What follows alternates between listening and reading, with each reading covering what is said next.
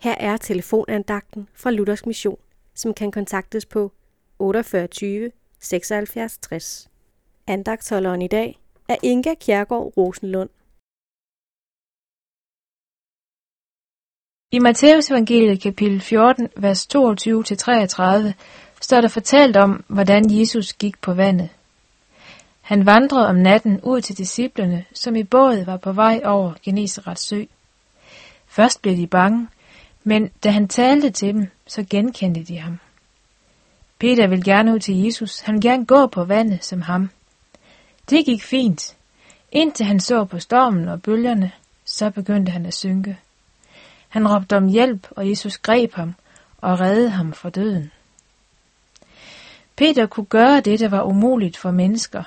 Det, som kun kunne ske, fordi Gud var med og gjorde det muligt. Det gik godt i al den tid, han stolede på Guds magt og kraft. Men så snart han så sig omkring og tvivlede på, om det kunne blive ved med at gå godt, det så jo så farligt ud, så begyndte han at synke. Vi må ikke tvivle på Guds kraft og magt og hans evner til at gøre store ting, men tværtimod, så må vi se på ham og holde fast i ham. Vi kan tit fristes til at se på os selv, det vi ikke kan, det vi gør forkert, og det vi burde have gjort. Men derfor får vi vide, at vi i stedet må se på Jesus, på hans magt og kærlighed. Det han har gjort for os, og til stadighed gør.